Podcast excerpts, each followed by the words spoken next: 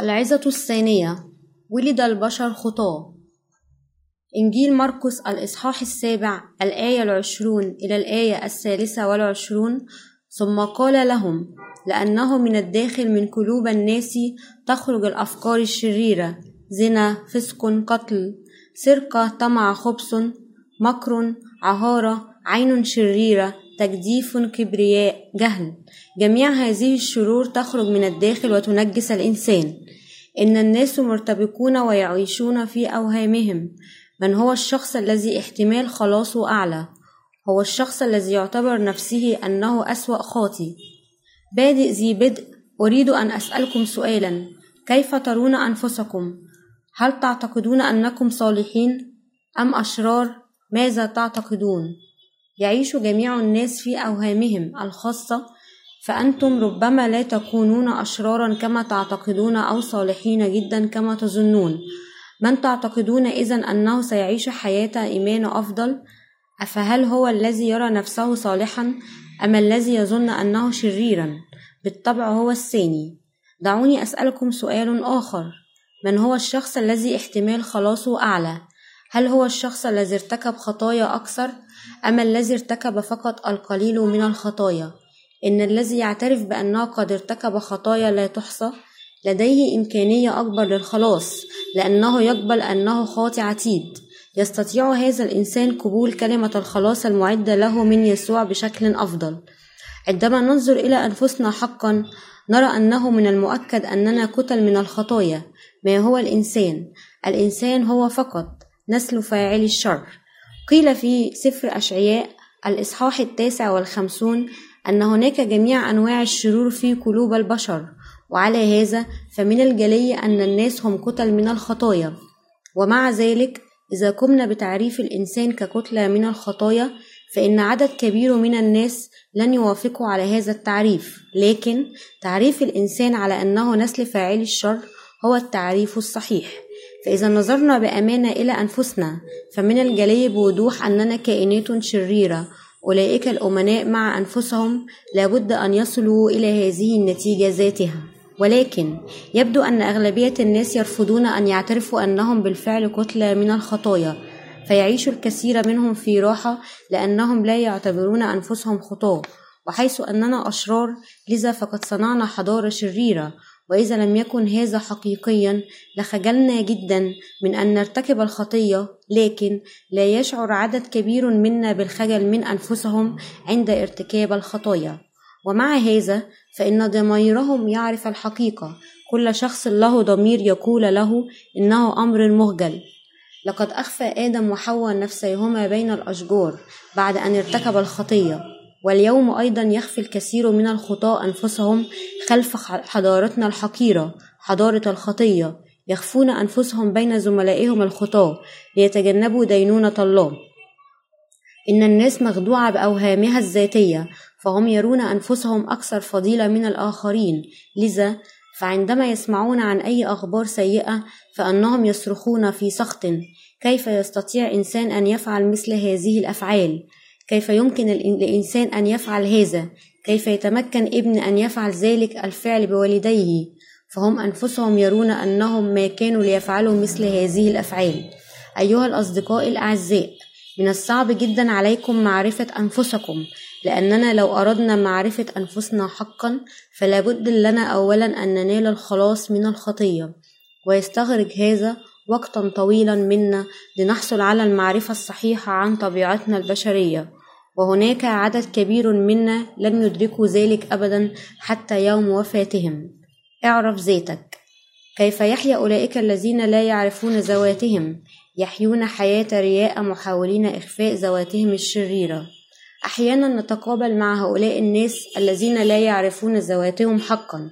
قال الفيلسوف سقراط اعرف ذاتك. ومع ذلك لا يعرف أغلبيتنا ماذا يوجد في قلوبنا القتل السرقة الفسق الشر الضلال الفجور العين الشريرة الأخ الشخص الذي لا يعرف ذاته عنده سم الحية في شفتيه لكنه يتكلم عن الصلاح والسبب وراء هذا هو أنه لا يعرف أنه مولود حتما عاصيا.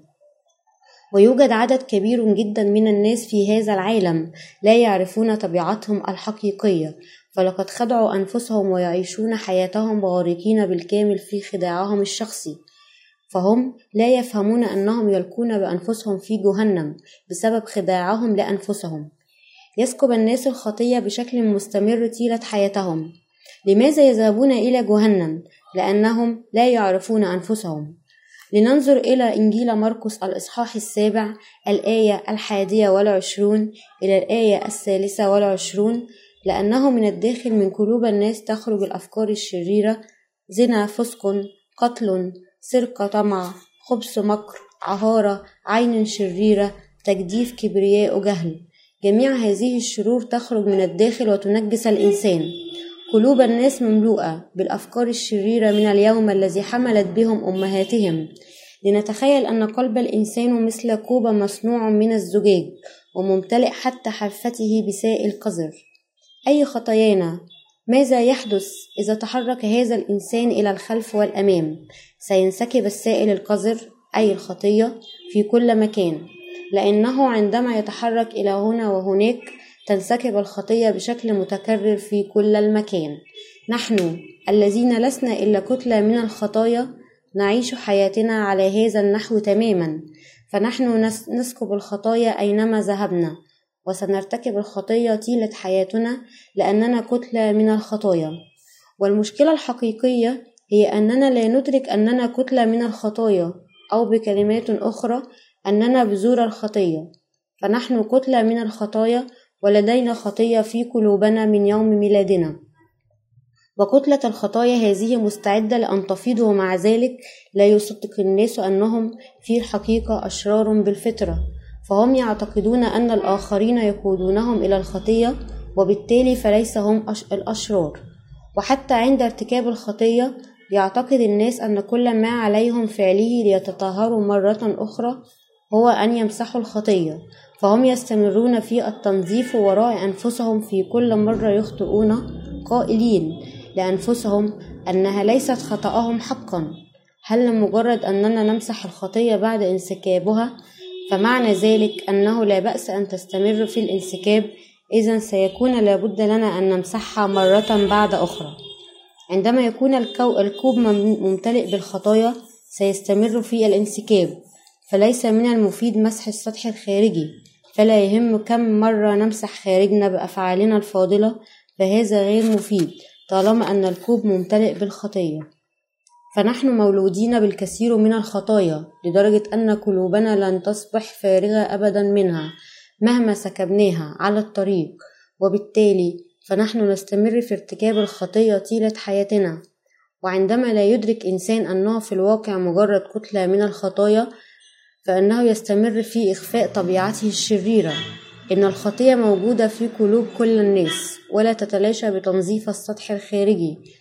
عندما نسكب قليلا من خطايانا فإننا نمسحها بقطعة من القماش ثم إذا انسكبت مرة أخرى نمسحها بممسحة ثم منشفة ثم غطاء إلخ لأننا نستمر أن نرجو أنه إذا استمررنا في مسح الفوضى مرة بعد مرة ستصبح نظيفة لكنها ستنسكب ببساطة مرة تلو الأخرى.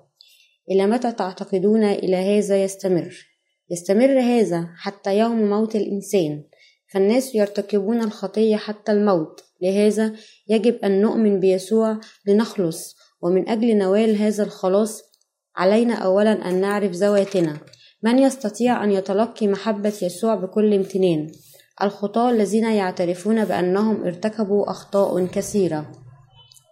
لنقل أن هناك شخصين يمكن مقارنتهما بكوبين ممتلئين بسائل قذر. كل الكوبين ممتلئان بالخطية. ينظر أحدهما إلى نفسه ويقول ياه يا لي من شخص شرير.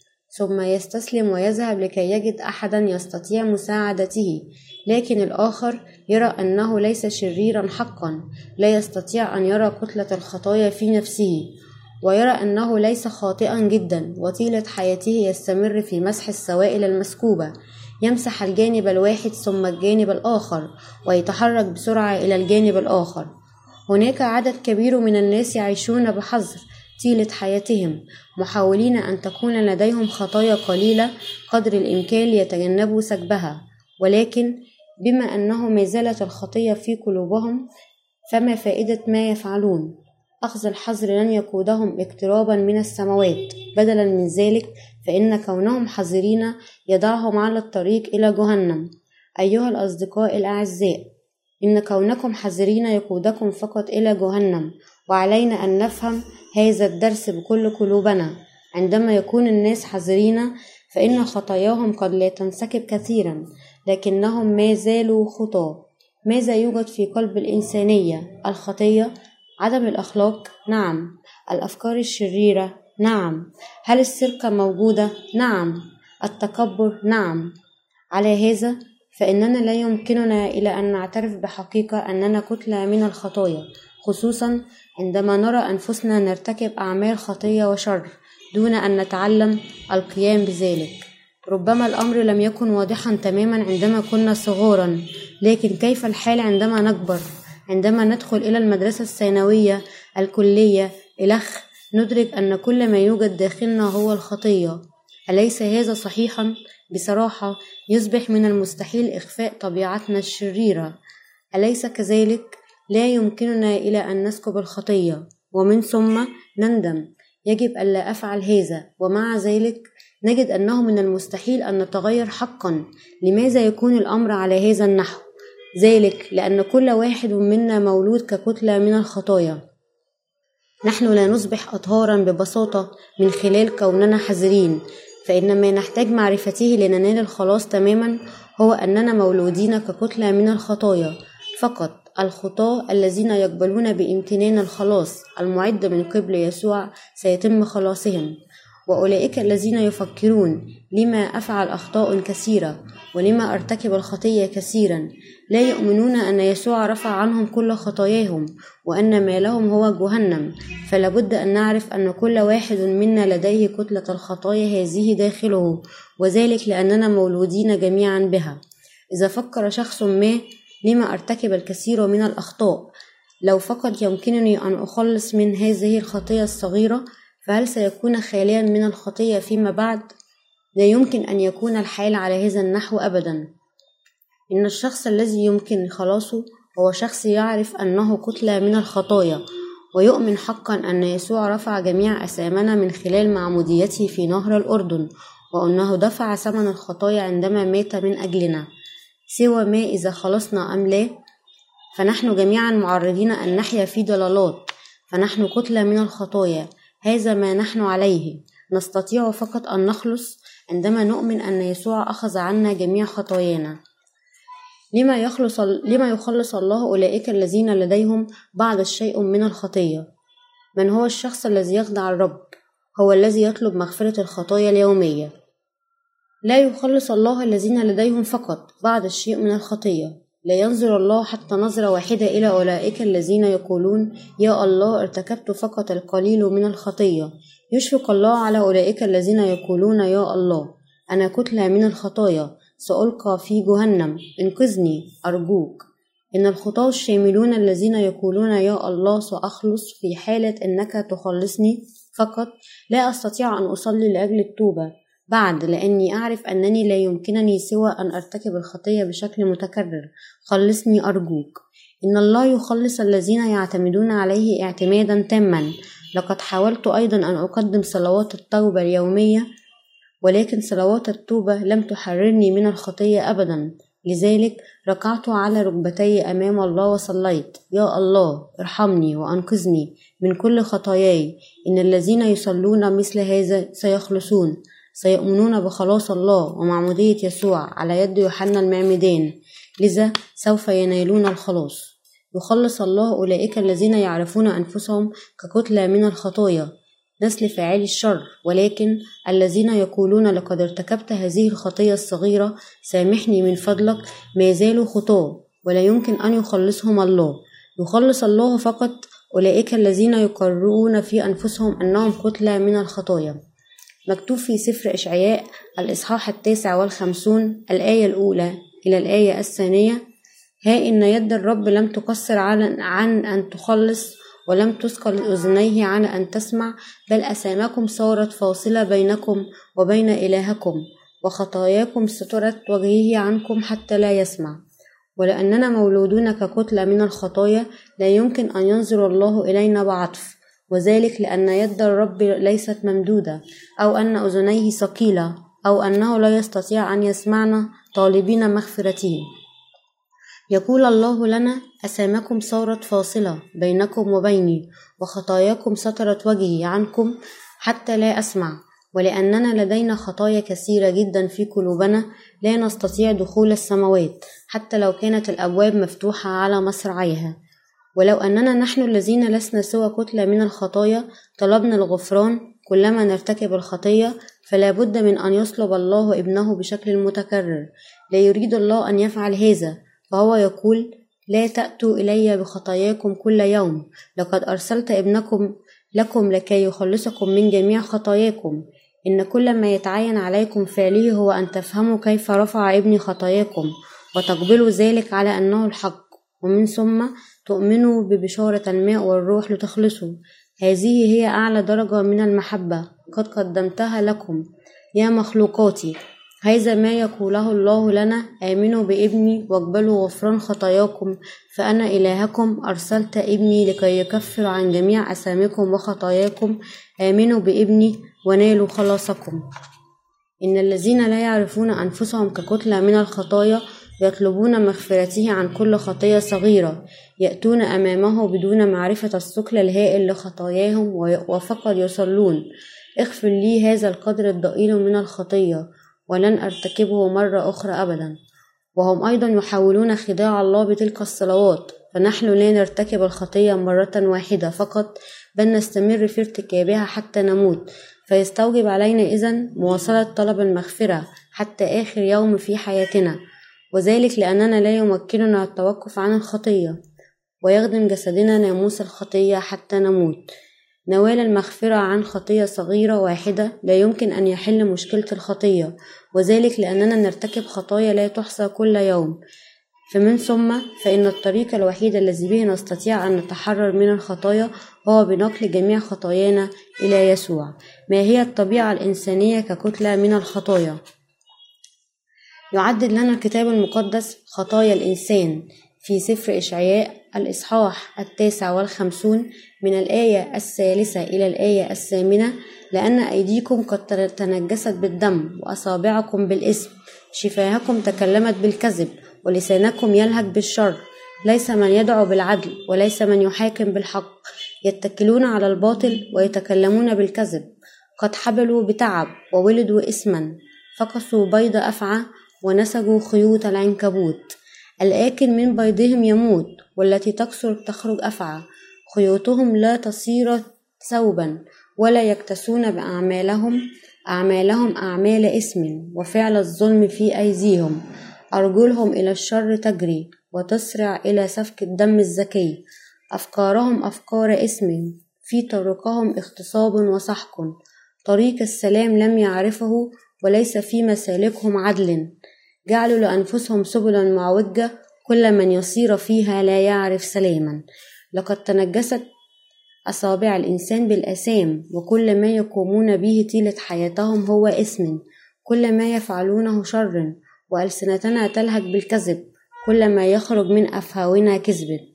متى تكلم الشرير بالكذب؟ فإنما يتكلم مما له. إنجيل يوحنا الإصحاح الثامن الآية الأربعة والأربعون يحب أولئك الذين لم يختبروا الولادة الجديدة أن يقولوا أقول لك الحق. فعلا أقول لك الحق إن ما أقوله هو الحقيقة. ومع ذلك فإن كل ما يتفوهون به كذب كما هو مكتوب ما تتكلم الشرير بالكذب فإنما يتكلم مما له. يثق الناس بالباطل ويتكلمون بالكذب. يحبل الناس بالشرور ويلدون الخطايا. يفكسون بيض الأفعى وينسجون خيوط العنكبوت. يقول الله الآكل من بيضهم يموت والتي تكسر تخرج أفعى. يقول الله أن هناك بيض أفعى في قلوبكم. بيض أفعى هناك شر في قلوبكم. لهذا السبب يتوجب علينا أن ننال الخلاص بالإيمان ببشارة الماء والدم.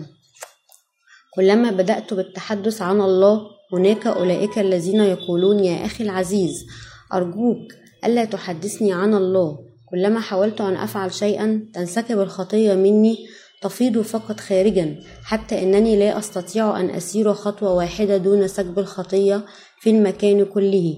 ليس بيدي حيلة فأنا ممتلئ جدا بالخطية ولا رجاء لي. لذلك فلا تحدثني حتى عن الله القدوس.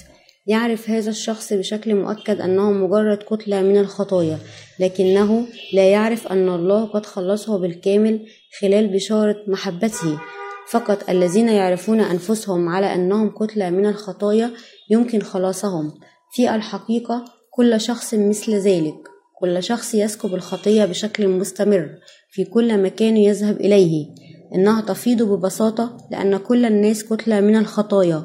الطريق الوحيد لخلاصنا من الحياة بهذا الشكل يكون من خلال قوة الله. أليس هذا عجيبا ببساطة؟ الذين يسكبون الخطية في وقت الإنزعاج السعادة أو حتى الراحة. يمكن خلاصهم فقط من خلال ربنا يسوع المسيح فقد جاء يسوع لخلاصنا. لقد خلصكم من خطاياكم خلاصا كاملا. اعترفوا أنكم كتلة من الخطايا ونالوا الخلاص.